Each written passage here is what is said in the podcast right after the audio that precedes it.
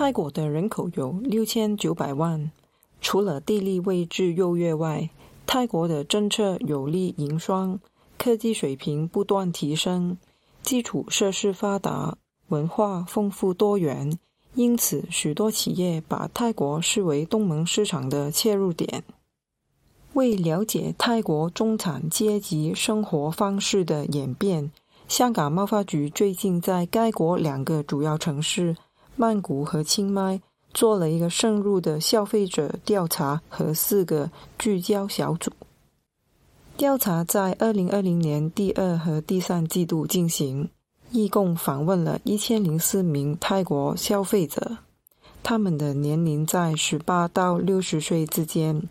家庭收入为每月九百三十美元或以上。聚焦小组的参与者除了要符合相同的年龄和收入要求以外，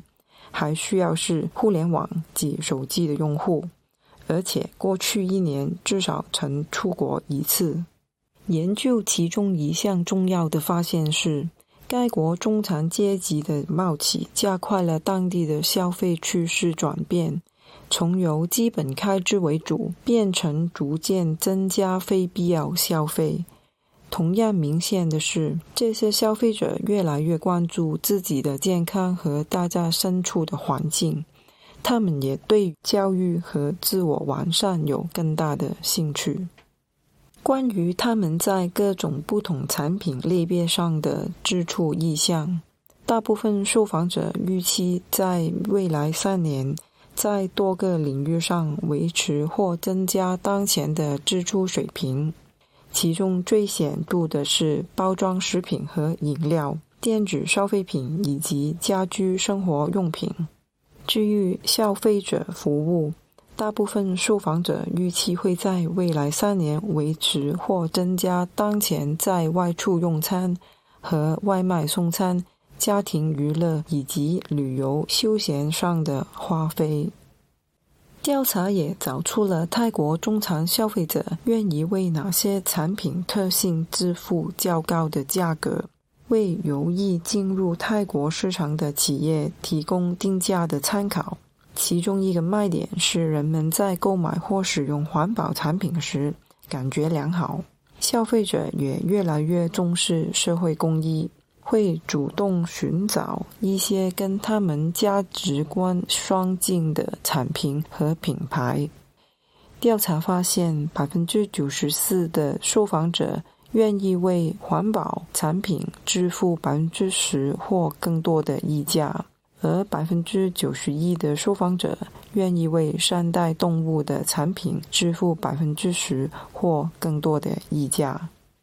另外一个卖点是表达自我的感觉，百分之八十的受访者愿意为私人定制的产品支付百分之十或更多的溢价。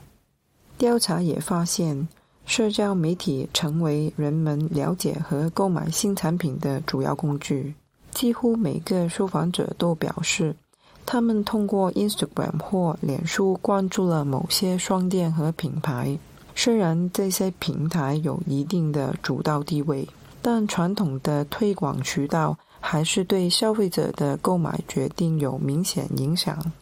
考虑到这点，企业需要有策略的方法来理解消费者的期望，同时不断的改善整体客户的体验。除了消费市场中出现的商机以外，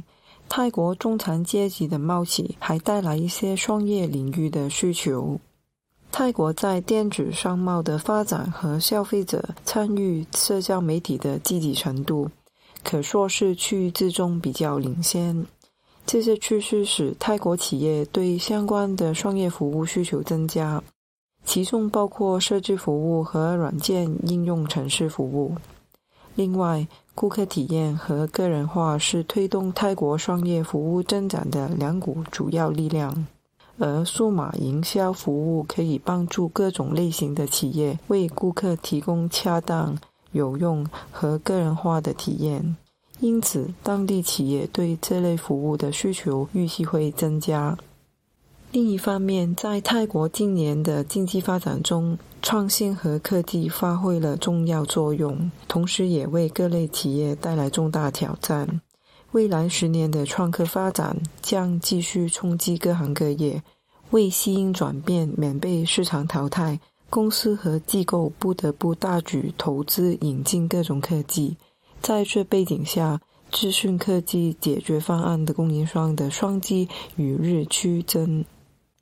同样，随着阿里巴巴、腾讯、IBM、脸书和苹果等科技巨头将业务扩展到泰国的金融市场。预料当地的金融科技服务的需求也会继续上升。